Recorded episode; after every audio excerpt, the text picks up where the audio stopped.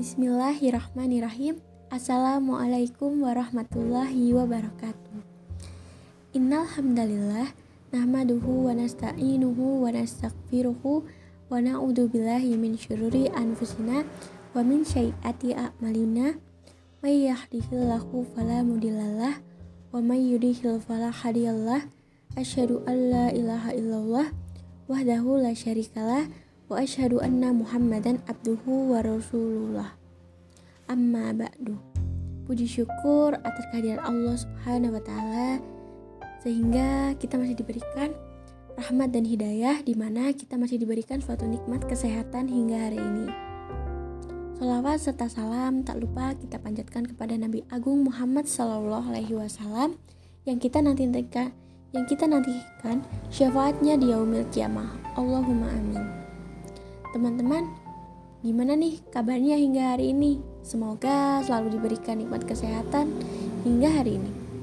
Tak terasa kita sudah memasuki pergantian tahun dari 2020 menuju ke 2021.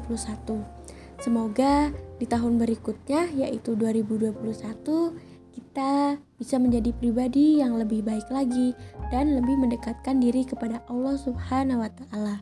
Amin mendengar tentang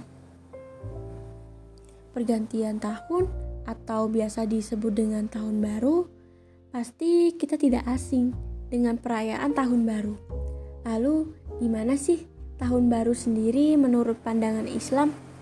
Nah, kali ini saya Dewi Mustika Rahmadani dari Agroteknologi B18 akan berbagi sedikit ilmu yang saya ketahui dan belajar bersama tentang tahun baru menurut pandangan Islam.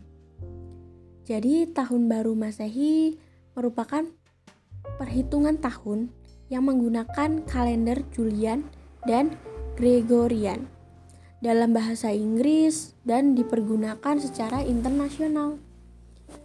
Istilah Masehi yang biasa disingkat M disebut Anno Domini atau AD yang berarti tahun Tuhan kita dan sebelum Masehi yang biasa disingkat SM disebut sebagai Before Christ atau BC yang berarti sebelum Kristus.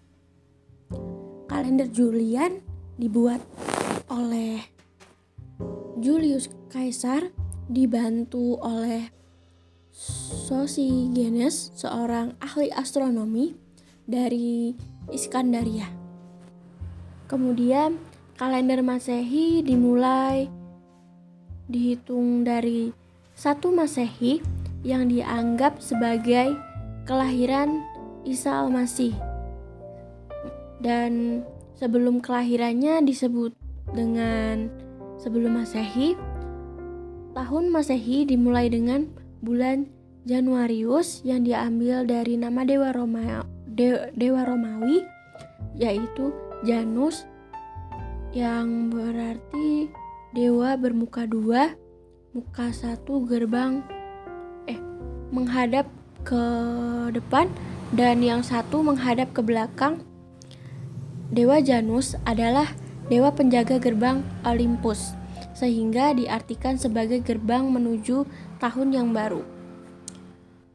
Biasanya kita sering mendengar suara trompet yang dibunyikan saat pergantian tahun baru yang dibunyikan tepat pukul 00 hampir seluruh penjuru dunia pasti meniup trompet dan hampir dari seluruh kalangan dari anak kecil hingga dewasa pasti melakukan hal, tersebut.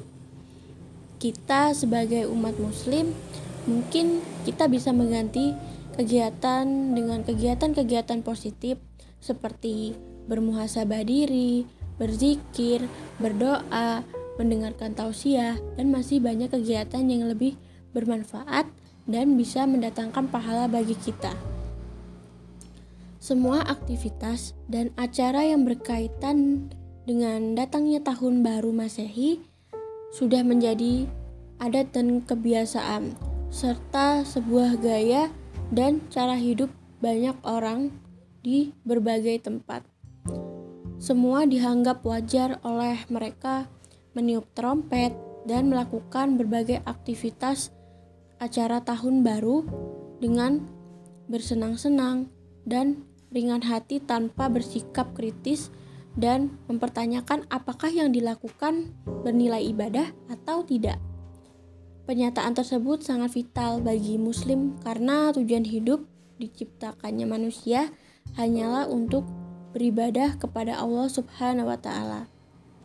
Dalam Quran Surat Az-Zariyat ayat 56 yang berbunyi, Wa ma khalaqtu jinna wa ingasa illa liya'budun yang artinya dan aku tidak menciptakan jin dan manusia melainkan supaya mereka beribadah kepadaku.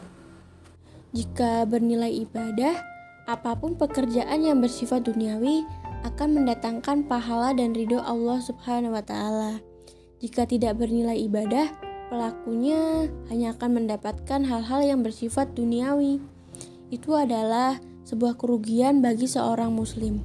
Pekerjaan apa pun selain ibadah yang bersifat ukhrawi bisa bernilai ibadah dan tidak diniatkan sebagai ibadah jika pekerjaan tersebut termasuk kategori amal soleh serta baik dan benar menurut ketentuan Allah Subhanahu wa Ta'ala.